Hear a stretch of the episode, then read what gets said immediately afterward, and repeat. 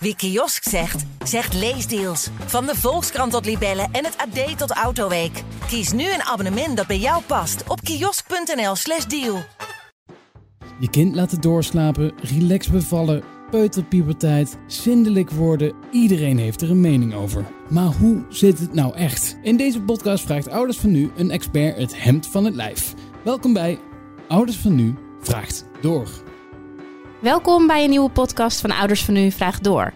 We gaan het vandaag hebben over pijnbestrijding. Ehm, ik ben Laura van Ouders van Nu en ik zit hier met mijn collega Femke, journalist voor Ouders van Nu. En met Koen Durlo, gynaecoloog. Ja. Welkom, heel fijn dat je er bent, dat je tijd kon maken. Nou, graag Wil je je eventjes kort aan ons voorstellen? Eh, ja, nou, Koen Deurlo, eh, gynaecoloog in het uh, Diakonessenhuis in Utrecht. En gespecialiseerd in verloskunde, dus bevallingen, eh hoogrisicozwangerschappen. En ik doe ook heel veel eh, geavanceerde echo's. Geavanceerde echo's, ja, dat zijn natuurlijk de echo's waar iets meer medische... ja, ja. dat zijn dus zeg maar de 20 weken plus echo's. Dus als Ja. het vermoeden is dat er iets aan de hand is, dan eh, kijkt de gynaecoloog nog een keertje. Dat doe ik al zo'n jaar of tien nu. Dus heel veel ervaring aan tafel, heel fijn. Ehm, ik ga je eerst eventjes wat stellingen voorleggen over pijnbestrijding. En dan mag je even kort op antwoorden. En dan gaan we er later eventjes op door. Eh, stelling 1. Een vrouw met 8 centimeter ontsluiting kan nog steeds pijnstilling krijgen. Ja, Vrouwen krijgen tijdens hun bevalling te laat een ruggenprik. dat is wel lastig. En soms mag het zeker niet. Nee. Gaan we zo even op door. Ja. Eh, vorige generaties bevielen ook zonder pijnstilling. De generatie van nu kan minder goed tegen pijn. Nee. De ene barende vrouw kan beter tegen pijn dan de ander. Ja. Nou, best wel stellige antwoorden. Kort genoeg, toch? Ja. Is er iets eh, waar je wat meer over wil vertellen? Ehm, ja, eigenlijk over alle vier de stellingen wel. Ehm, je tweede stelling, kun je die nog eventjes erbij pakken? Ehm, vrouwen vragen tijdens de bevalling te laat om een ruggenprik of krijgen te laat een ruggenprik. Ja, dat, dat gebeurt soms wel eens. Hè. Dan, eh, dan probeer ze toch nog een tijd vol te houden hè, met een verloskundige. Terwijl wij al zien soms, hey, dit, dit, dit is echt wel lastig. En dan komen ze op een gegeven moment toch met heel veel moeite op 8, 9 centimeter. En dan zijn ze wel echt heel moe. En dan moeten ze nog een uur. En dat is dan weer net te kort voor een rugprik. Dus in dat soort gevallen denk je wel eens, ja, hadden we nou maar beter eerder die, eh, die rugprik eh, gegeven. Dus soms gebeurt dat wel, ja. Maar die proberen we wel te herkennen hoor. Ja, want ehm, dat is eigenlijk meteen ook een vraag die ik dan heb en die volgens mij bij heel veel mensen leeft. Eh, tot wanneer kan je een ruggenprik krijgen? Ja, dat, veel mensen denken dat dat dan kan tot 6 centimeter of 7. Maar dat is niet het geval. Je moet kijken hoe lang duurt mijn bevalling nog. Dus iemand die heel langzaam naar de 8 gaat en nog heel veel uren moet, die kan best een rugprik. Maar iemand die razendsnel van de 2 naar de 5 gaat, ja, die kan misschien beter geen rugprik nemen. Want tegen de tijd dat die zit, is je kind al geboren. Ja, precies. Dus het gaat niet om hoeveel centimeter, maar meer om hoe lang gaat je bevalling Ja, waarschijnlijk nog Hoe lang moet je nog? En Ja. daar, daar zitten wij soms ook wel eens naast. Dus het komt wel eens voor dat we een rugprik aanbieden. Hè, eh, en dat ze dan toch eh, op de uitslaapkamer eh, bevallen. Nou ja, goed, bij ons worden ze op de kraamsfiets gegeven. Maar dat ze eerder bevallen dan de rugprik. Maar soms geven we ook wel eens pijnzing dat we denken... oh, dat is net te kort, hadden we maar beter die rugprik. Dus het blijft ook wel lastig inschatten hoor, soms. Ja, Ja. Nou, we gaan straks nog even eh, dieper in op de ruggenprik. Dan ehm, even over het bevallen. eh, sowieso, we hebben natuurlijk twee soorten bevallingen in Nederland. Thuis of in het ziekenhuis of in een kraamsuite, eh, wat je net al Ja. aangaf. Ja. Ehm, is het zo dat er thuis ook pijnstilling mogelijk is? Ja, zeker. Je, je moet een onderscheid maken tussen, tussen pijnstilling door medicijnen, hè, dus eh, opiaten, morfineachtige dingen of een rugprik, en pijnstilling door alle vormen van eh, comfort. Dus eh, gewoon één op één begeleiding, iemand die vertelt dat je goed bezig bent, hè, eh, een bad, een goede houding, een veilige omgeving. Daar kun je al heel veel mee winnen, een doula. Ehm, dus er zijn zeker vormen van pijnstilling eh, mogelijk thuis. Die zijn alleen anders dan dat wij ze hebben ingericht in het ziekenhuis. Ja, dat is meer de natuurlijke pijnbestrijding. Ja, zo zou je het kunnen noemen, ja. En we hebben nog een tussenvorm, want je hebt dan de thuisbevalling en je hebt dan de ziekenhuisbevalling, maar er zit nog een soort van verplaatste thuisbevalling. En dat heet ook wel polyklinisch bevallen. Dus dan beval je wel in het ziekenhuis met je eigen verloskundige. En in sommige ziekenhuizen wordt er dan ook lachgas aangeboden. Ja, precies. Maar dan Ja. ben je dus wel ben je niet echt in je eigen Ben je omgeving. niet in je eigen omgeving. Nee. Nee, we hebben eerder ook podcast opgenomen over inderdaad hoe je de ontspanning kan vinden en hoe Ja. je een relaxed bevalling. eh, dus dat is eigenlijk wat je net aangaf, dat kan je thuis natuurlijk allemaal doen. Ja, ook Ehm, bij ons hoor. Dus, eh, Of in het ziekenhuis ja. zeker ook. Ja, ja, ja, maar in het ziekenhuis zijn meer opties. In het ziekenhuis zijn andere opties. Hè. Ehm, hè, de lachgas hebben wij bijvoorbeeld weer niet. Dus zit, dat is bij, niet bij elk ziekenhuis hetzelfde wat je kunt, eh, kunt aanbieden. Maar veel dingen zijn hetzelfde, ja. Het belangrijkste is dat je gewoon herkent waar komt die pijn vandaan. En niet gelijk grijpt naar medicijnen. Maar ook kijkt, van, ja, kan ik niet iemand geruststellen? Is iemand moe dat hij pijn heeft? Of is iemand bang? Of is, maakt iemand zich zorgen? En daar moet je veel meer naar kijken dan ja, hier een rugprik en eh, zet hem op. Hoe werkt dat? Eh, waarom heeft de ene vrouw meer pijn dan de ander? Ja, goede vraag. Eh, dat weten we niet altijd. Ik, ik denk dat je heel goed moet kijken naar de omstandigheden. Dus hoe, hoe is het geweest tot aan je bevalling? Is je zwangerschap zwaar geweest? Heb je veel zorgen gema- gemaakt? Heb je veel controles gehad? Dus heb je al nachten niet geslapen? Ben je al dagen aan het rommelen? Dan ben je veel vermoeider en angstiger. En dan is het veel moeilijker om, eh, om pijn op te vangen. En sommige vrouwen die bijvoorbeeld al eerder hebben gedaan... of een goede zwangerschap hebben... of gelijk al starten met 6 centimeter, wat ook een enorme boost is voor je zelfvertrouwen. Ja, ik heb het idee dat die dan weer beter met de pijn kunnen omgaan. Dus pijn is niet alleen iets van, ja, hè, wat zwak, je hebt een ruggeprik, je kan het niet. Het is heel erg de omstandigheden. Maar dan heb je het ook over bijvoorbeeld, eh, ben je bang voor de bevalling? Ja. Dan Ja. heb je meer pijn. ja, nou, het is moeilijker om te ontspannen en eh, te vertrouwen en de pijn op te vangen als je gewoon heel veel zorgen maakt. Hè. Dat, dat geldt niet alleen voor bevallen, dat geldt denk ik voor heel veel dingen en ziekten. Als je stress in je hoofd hebt, dan is het gewoon moeilijker.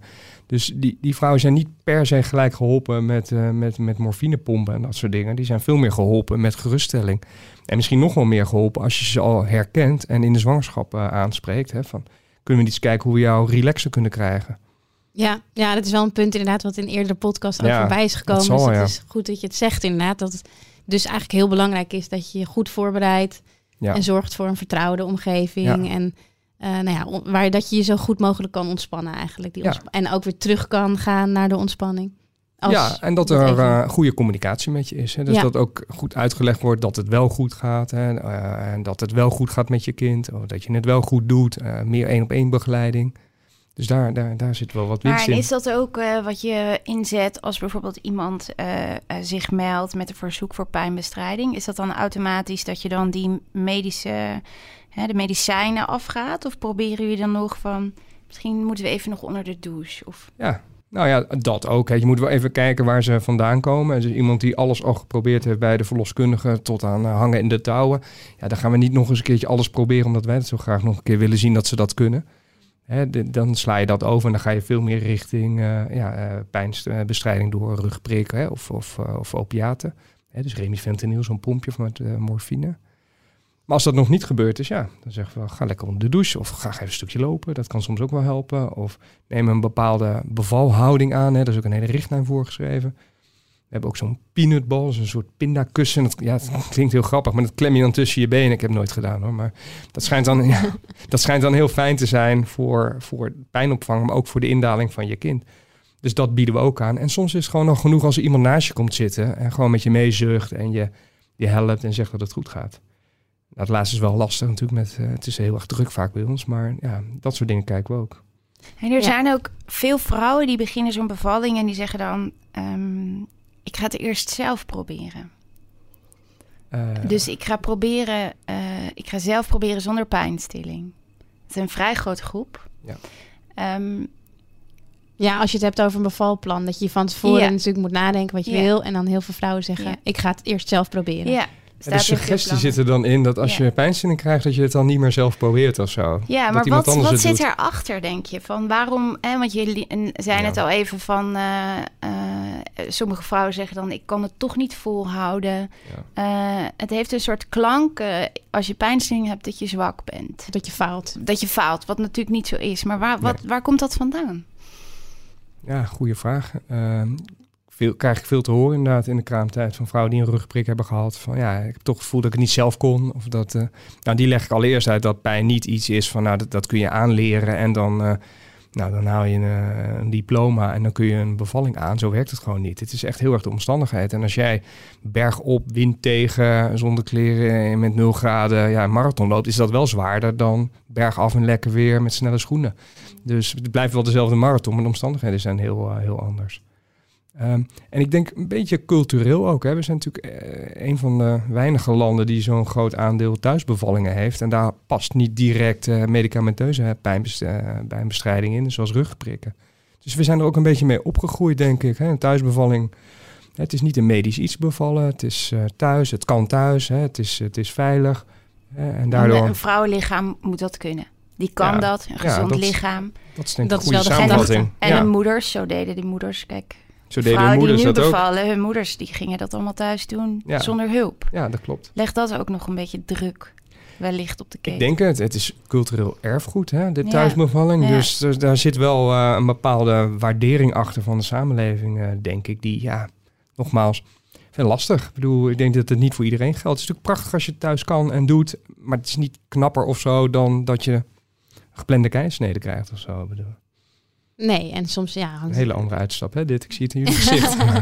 Sorry. Ja, nou ja, en soms heb je, je hebt ook niet altijd, eh, je, je hebt gewoon geen grip op. Dus het kan, het kan, eh, je kan het wel van tevoren bedenken hoe je wil dat het gaat, maar het kan ook anders gaan. En soms bij bijvoorbeeld een inleiding kan je ook eh, natuurlijk eh, last Ja. hebben of ja, je Ja. weet het niet van tevoren. Je weet ook eigenlijk niet hoe je het gaat ervaren als je nog nooit bent bevallen. Dan- Nee, dus dat speelt ook mee. Heb je het al een keertje eerder gedaan. Ja, En je kunt zeker niet voorspellen hoe het gaat. Wij ook niet. Hè? Dus ik raad ook niet vrouwen aan van... Ja, leg nou eens uit hoe je wilt dat het gaat. Want, maar leg nou eens uit hoe wij met je om moeten gaan. ja. Als het zo gaat, zo gaat en zo gaat. En dan zijn ze veel meer in controle. Dus wat nou als we je moeten inleiden? Wat nou als het richting een keisnede gaat? Wat nou als je pijnstilling nodig hebt? Hoe, hoe zie je dat voor je? Hoe, wat zou je willen? En dan Ja. sommigen zeggen, nou, pijnstilling, dat eh, had ik de vorige keer ook niet nodig. Dus ik denk dat ik dat eh, wel red. Nou, dat kun je dan allemaal meenemen.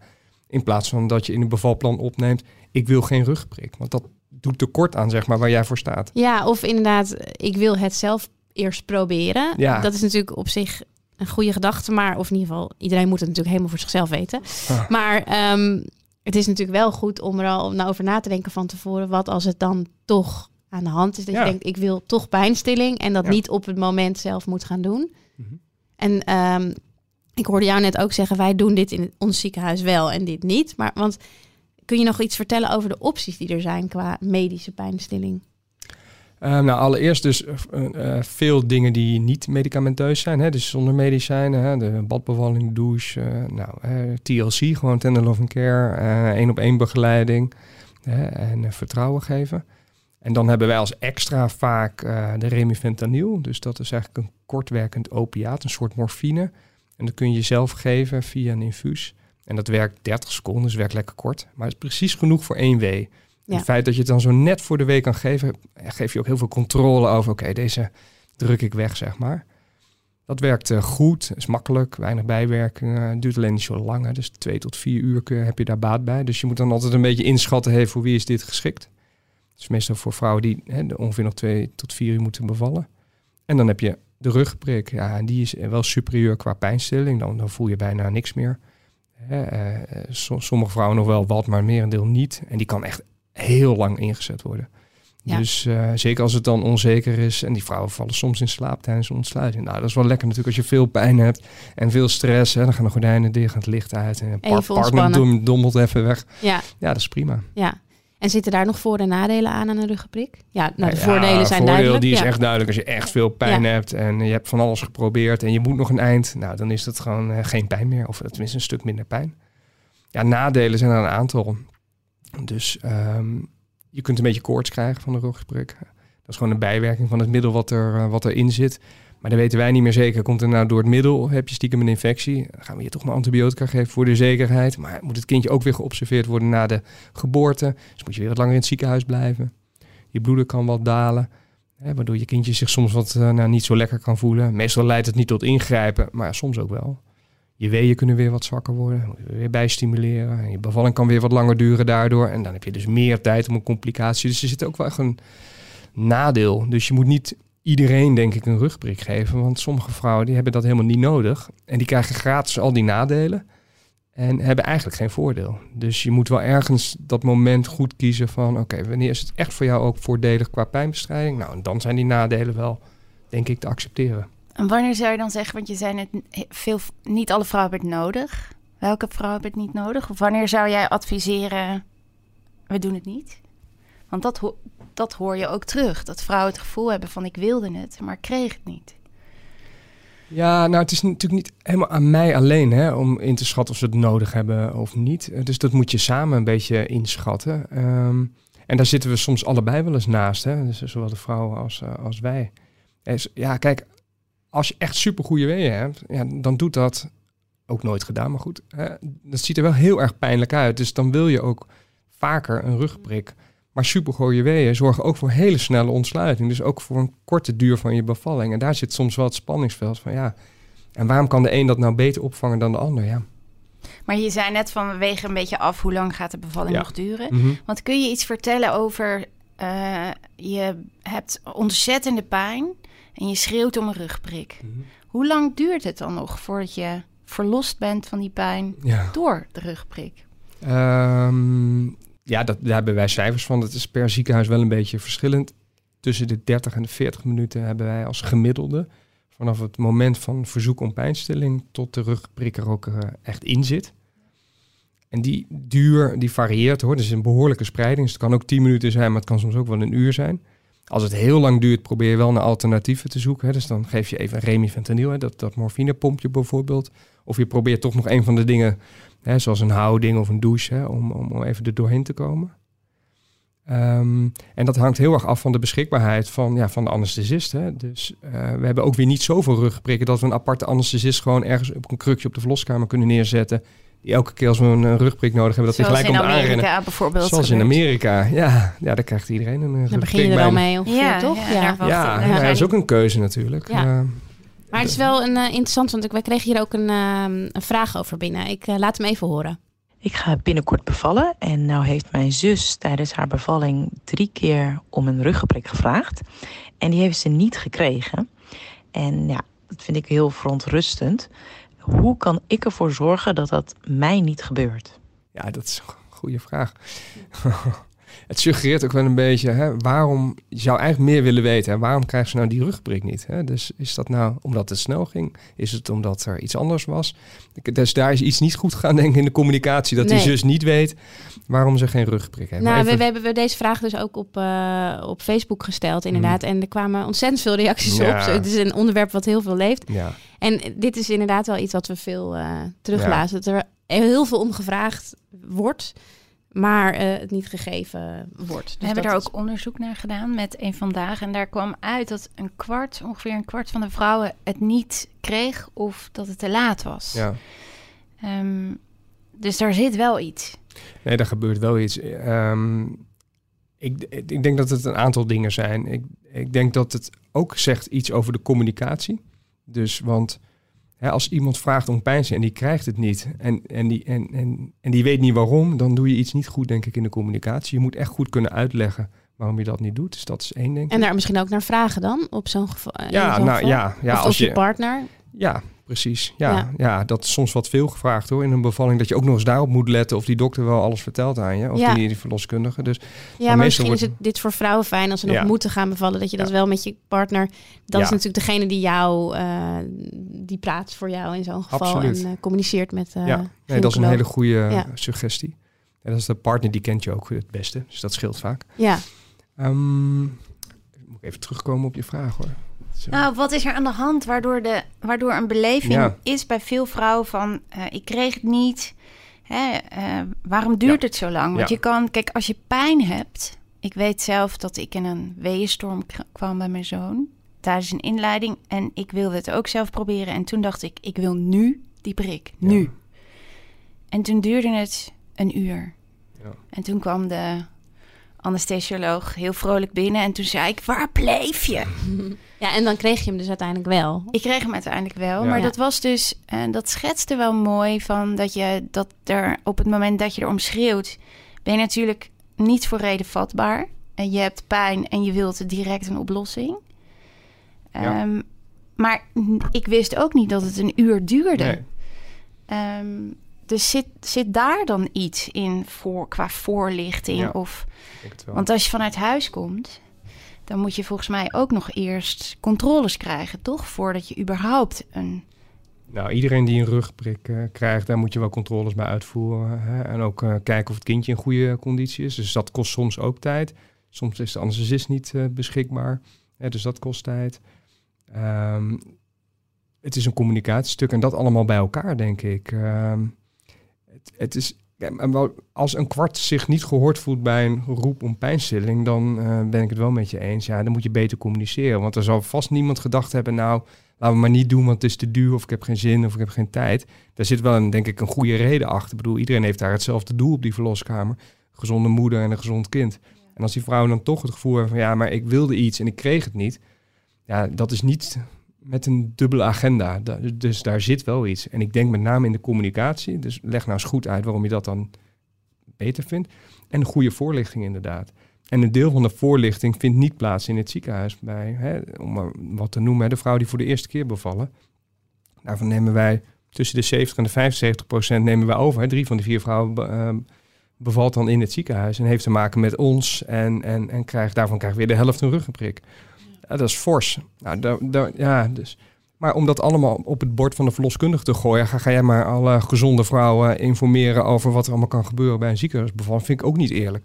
Dus daar moeten we wel naar een soort van samenwerking, dat wij bijvoorbeeld hè, alle gezonde vrouwen één keertje kort even uitleggen, joh, wat kan er nou gebeuren als Ja. je bij ons komt. En wij zijn ook echt wel aardig en relaxed en wij kunnen ook wel een mooie... We hebben ook het beste met je voor. Ja, en wij gaan ook niet gelijk aan alle instrumenten zitten, precies. Nee, Ja. nee, maar goed, het is inderdaad dus wel iets wat je in de voorbereiding kan doen. Want dat was ook wat, wat zij vroeg natuurlijk, van wat kan ik doen om te zorgen dat het mij niet gebeurt.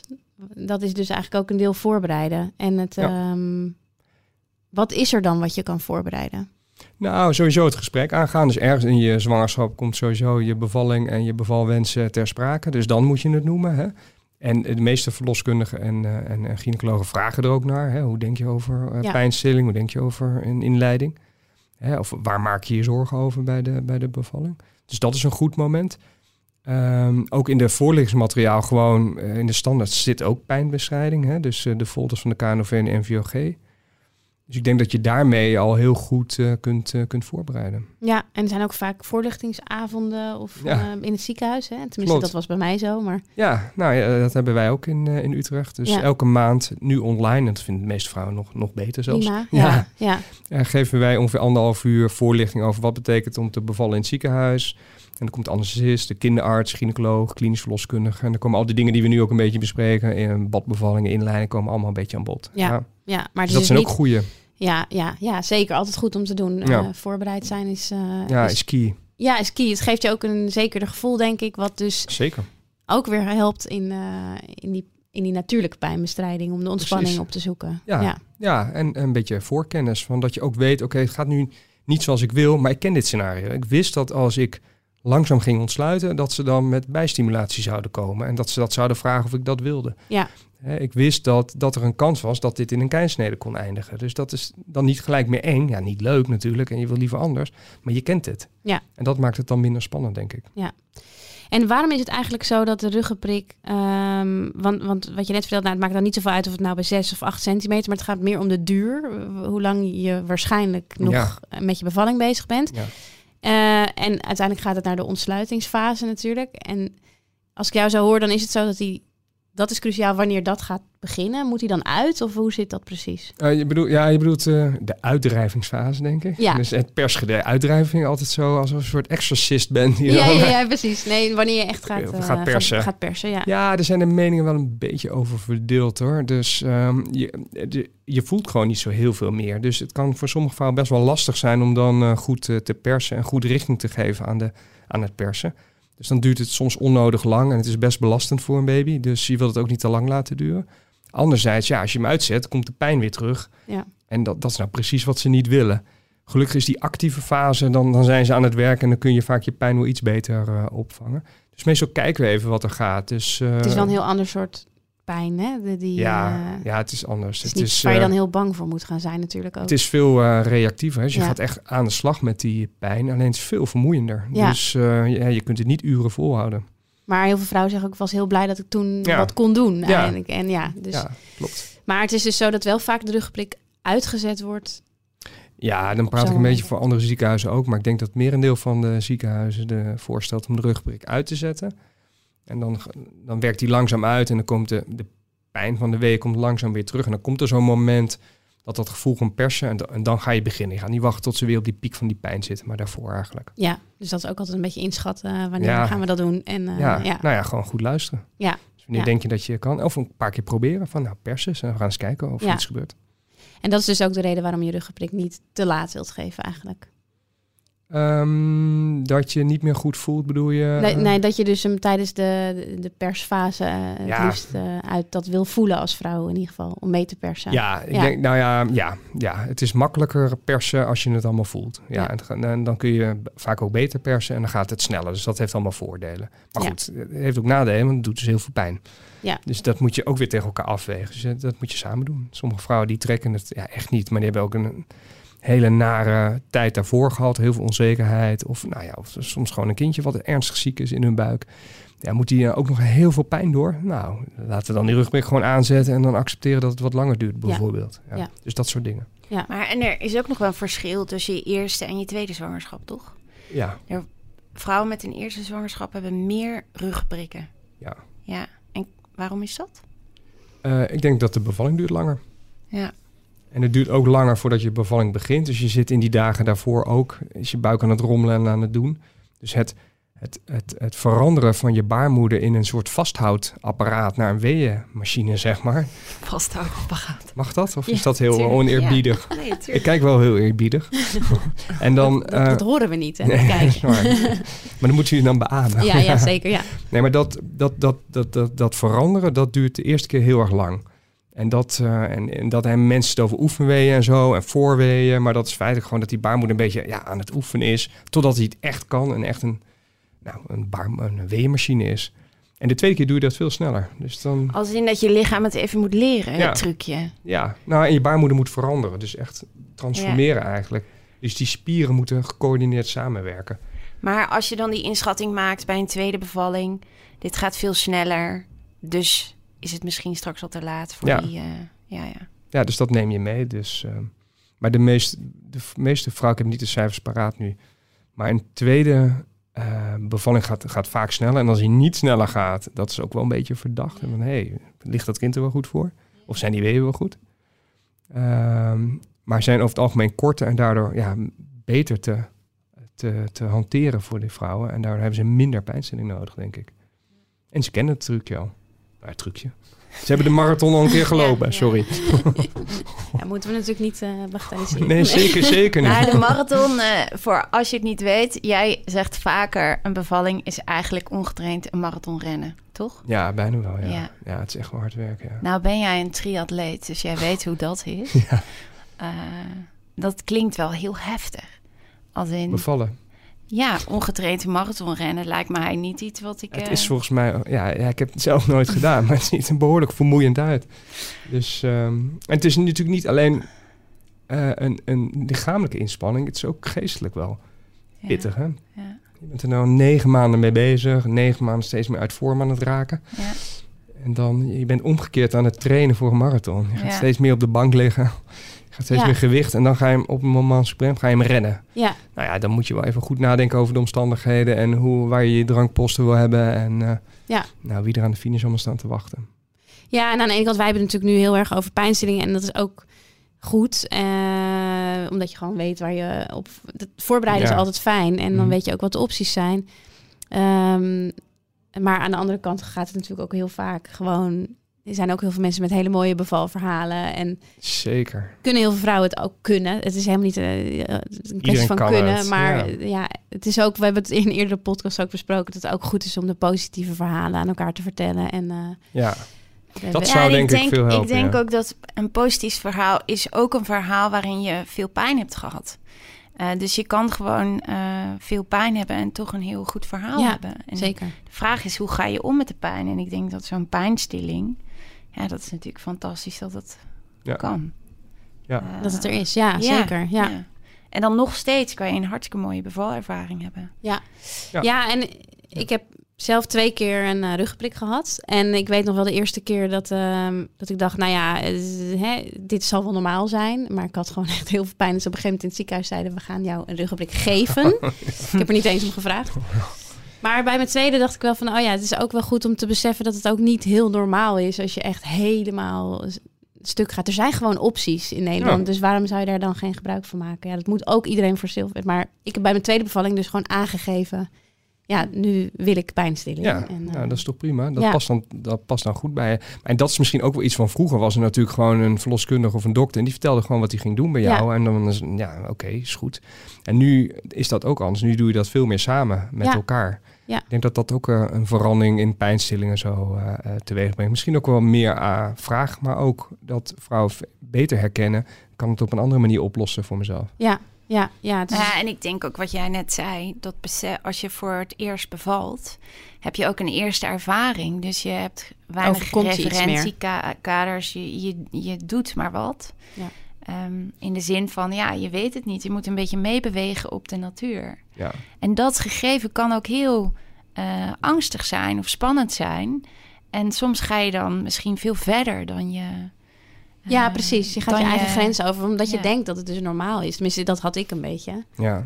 Terwijl dat hoeft dus helemaal niet. Er zijn hele mooie opties. En het is niet falen. Pijnstilling is niet falen. niet. Nee, Nee. Dat, dat, Nee, daar moeten we mee stoppen Eén keer per week heb ik dat gesprek. Ja. Ja. Ja. Ja? en dat is gewoon niet waar. Nee, ook na bevallingen. Ja, ja. ja, ja. Het is niet falen. Nee, ik kan plus je hebt jezelf ermee. Ik dacht ook, ik moet het zelf proberen, anders is het zwak. Ja. Daar had ik echt zo spijt van. Ja. Want zo'n weeënstorm, dat is misschien ook nog wel even goed om op in te gaan. Want best wel veel vrouwen maken ook een inleiding mee ehm, bij hun eerste bevalling. Heb je dan meer kans op pijn? Nou ja, ja, denk het wel. Eén, omdat je wordt vaak ingeleid omdat er iets aan de hand is. Dus niet, om- niet omdat wij eh, nou, naar huis Haast moeten of zo. Ja, het, het is vijf uur, jongens. Je moet naar huis. Nee. Ja, even uitklokken. Dat, eh, nee, dat is het niet. Dus er is wat. Er is wat aan de hand met jou of met je kind. Dus er zit al een zekere onzekerheid in. En dan heb je nog niet de tijd gegeven aan die baarmoeder om die weeënmachine te worden. Dus dat stuk moet je nog door. En dan, ja, een beetje afhankelijk van waar je zit in dat traject, ja, gaan wij je eigenlijk dwingen om te, om te bevallen. Dus ja, hormonen er tegenaan, weeënstimulatie. En dan hoop je maar dat snel die baarmoeder verandert in die weeënmachine. Soms gaat dat snel, soms duurt dat echt wel dagen. Dus dat kan heel vermoeiend zijn. En dan daarna gaat je baarmoeder wel aan de slag. Dus die gaat dan ook weeën maken bovenop onze inleiding. En dan zie je soms dat het net even te snel gaat. En dan in een, eh, ja, wordt dan genoemd een weeënstorm. Maar dan maak je gewoon te veel weeën. En dan, dat noemen wij al vanaf vijf wat, per tien wat minuten. gebeurt er met een weeënstorm voor iemand die het nog niet... Nou ja, er zal vast wel een definitie zijn van zoveel weeën per zoveel minuten. Maar feitelijk is dat je eigenlijk geen rust meer krijgt tussen je weeën. Dus je hebt hem net achter de rug, boem, komt weer de volgende, boem, komt weer de volgende. Ja, dat is gewoon heel heftig. Ja, ja enorm. Ja, Ja. ja, ja, je hebt wel die, die pauzemomenten nodig om Ja. even eh, de volgende week weer aan te Ja. kunnen. Ja. En zou je dan, is het dan handig om te zeggen, eh, bij een inleiding eh, is het ook goed om meteen te bespreken van eh, pijnstilling eh, wel of niet? Ja, nou ja, allereerst moet je voorkomen, denk ik, dat er te veel pijn is. Hè? Dus let vooral goed op met het stimuleren hè, bij vrouwen. Dus luister ook goed naar die vrouwen hoe ze het ervaren. Kijk, we hebben ook niet, vaak niet echt haast dat die er echt binnen twee uur uit moet. Hè? Dus we hebben wel de tijd. Dus we hoeven ook niet als een, als een malle zo'n vrouw bij te stimuleren. Je kunt dat best geleidelijk aandoen, dus dat doen we ook veel. En dan is het goed om in ieder geval met die vrouw te bespreken. Zeker als er, als er spannende dingen zijn. eh, van hoe denk je over pijnstilling? Eh, en ook dat te checken tijdens de bevalling. Kun je dit goed aan? Eh, lig, je, lig je goed? Wil je nog iets hebben? Hoe- Wil je een bad? Wil je een douche? Kunnen we iets anders? hey, en een, een, eh, een positieve bevalervaring, daar is, doet, wordt veel onderzoek naar gedaan, veel over geschreven. Het is ook iets wat jij veel mee bezig bent. Ja. En een van de dingen is goede communicatie, het Ja. gevoel dat je eh, gehoord bent en dat je je veilig voelt. Als je dat nu, eh, het onderwerp pijn, want daar gaat het natuurlijk om. Wat, wat eh, zou je iemand die nu zwanger is, het eerste kind krijgt, eh, op dat gebied adviseren? Nou, maak het in ieder geval bespreekbaar voor je bevalling. Hè? Dus informeer jezelf goed. Hè? Dus met, met, met de bekende sites, hè? met de folders die er zijn.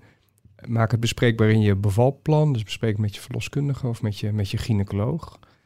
En ik denk het belangrijkste, kijk, de, wat jij zei was echt wel belangrijk. De kans dat het goed gaat is echt enorm in Nederland. Dus Ja. hè, het kan pijnlijk zijn, het kan vermoeiend zijn, maar uiteindelijk hè, ga je het gewoon overleven en krijg je gewoon een prachtig kind. Hè, dus die, ja, die, die beker, die medaille mag je echt wel voor je, voor je houden. Je doet het allemaal niet, eh, niet voor niks. En ik zou ook in je bevalling gewoon communicatie. Dus wat vind jij nou een prettige manier om, eh, je noemde net je partner. Nou, dat is ook een manier waar we soms met vrouwen communiceren of altijd die partner bij betrekken. Denk daarover na. Hoe je, ken je jezelf als je pijn hebt of ziek bent of moe? Hè? Eh, Word je dan zagrijnig of word je juist huilerig of ik veel.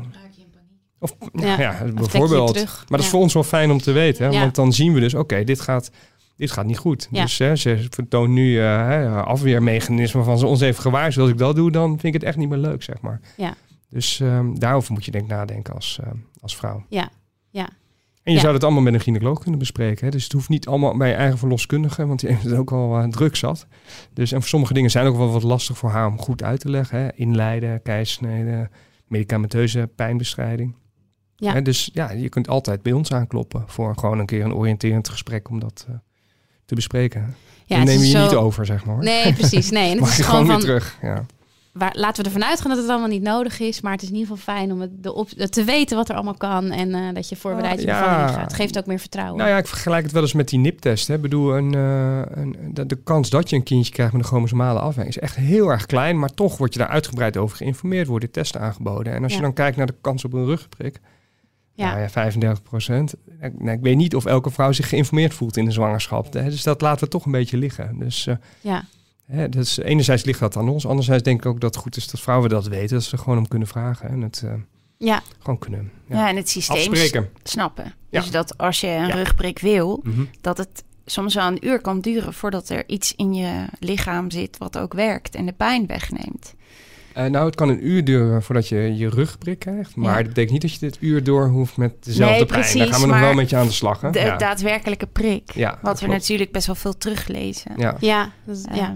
Ehm, Ik moet zeggen dat ik zelf die ervaring dus weer niet had. Maar ik denk ook dat mensen zich uitspreken als ze een negatieve ervaring hebben gehad natuurlijk. Nee, maar Dus, het is ehm, ook zo. Er zijn echt is vrouwen die lang logisch. moeten wachten. Ja, Ja. tuurlijk. Als je, dan, als je erom vraagt, dan wil je het ook meteen. Ja, Vaak zo, is zo. dan een overwinning wat je zegt. Hè, van, dat je erom vraagt. Ja, En dan moet hij ook gelijk Ja, nu ga komen. ik, eh, ja, precies, ja. Koen, zijn er nog dingen eh, die jij graag kwijt wilt aan ons? Of die we zijn vergeten te bespreken? Ehm, nee, ik eh, kan niet zo snel iets... eh, ja, ik vind het nog wel leuk om iets te vragen over de babyboom.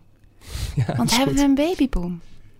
Ja, ja, we hebben wel een soort van babyboom. In ieder geval in de regio waar ik werk in Utrecht. Dus wij zien tot eh, 15 tot 20 procent meer bevallingen.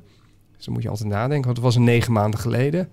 Nou ja, lockdown rond de kerst. Dus Maar is dat niet altijd in deze periode? Of... lockdown rond de kerst? Nee, nee, nee. Ik bedoel, maar is het zo dat in september Nee, dit is, altijd nee dit is in vergelijking met de voorgaande jaren. is het meer? Nou, wat Ja. we wel zien is een babydip ongeveer negen maanden na de corona, eerste coronagolf in maart. Hè, Ja. Dus eh, toen was het wat rustiger. Dus ik denk dat vrouwen hun kinderwens hebben uitgesteld of verstellen. En toen, ja, toen we zo'n beetje bij kerst aankwamen en toen ook wel hè, de richting de vaccinatie gingen, dan van, oh, dit, dit gaat wel goed. Dus toen de, de, de stellen die sowieso een kind wilden maken, die gingen gewoon sowieso aan de slag. En daar kwam nog bovenop de uitgestelde kinderwens van die vrouw van de zomer, denk ik. Ja, Dus het zijn wel een soort van coronababies, ja. dus jullie hebben druk. Ja, we hebben het hartstikke druk, Ja. ja. ja, Als vrouwen nu luisteren en eh, nog verder willen lezen hierover... of eh, meer willen weten, wat adviseer je dan om te doen? Ehm, nou, ik denk toch de sites van de beroepsverenigingen, de verloskundige en eh, de gynaecoloog. dat zijn goede sites waar betrouwbare informatie op staat. En ik denk, ouders van nu lezen natuurlijk, staan ook vaak hele nuttige dingen in. Ja. Nou ja, en, en bespreek vooral met je professional. Dus Ja, gewoon met je zorgverlener. Ja. Met de verloskundige, Ja. met de gynaecoloog eventueel. Ja, ja. ja. Oké, nou dan hoop ik dat heel veel vrouwen hier wat aan gaan hebben. En eh, dat het gewoon een hele fijne bevalling gaat worden natuurlijk. ja, dat hoop ik ook. Eventueel zonder pijnstilling. Maar dat is ook helemaal niet erg als het Vullen we een podcast met alleen maar positieve. Bevalverhalen. Ja, dat is ook een goed idee, zeker. Dankjewel Koen Ja, voor je graag tijd. gedaan.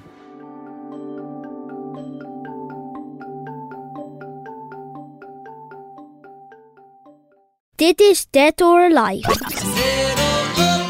In deze podcast praten twee papa's iedere keer met een bekende papa over het vaderschap. Zo er niet op alsjeblieft. Dead or Alive. De podcast voor en door vaders. Eerlijk, De stront van je eigen kind stinkt niet. Dat is de grootste onzin die er ooit verkondigd is. alles wordt besproken. ik vind seks namelijk erg prettig. Ja, ik vind het heel lekker werken. Met presentator Manuel Venderbos, heteropapa van twee. Mijn dochter kan mij echt om de vinger winden gewoon. En entertainmentdeskundige Erik de Munk, homovader van één. Nou, ik heb ze gewoon in leven gehouden. En einde. Succes ermee, fijne avond. Luister Dead or Alive op oudersvannu.nl via Spotify en Apple Podcasts. Dead or En er is ook een hele video van. Dat staat op YouTube.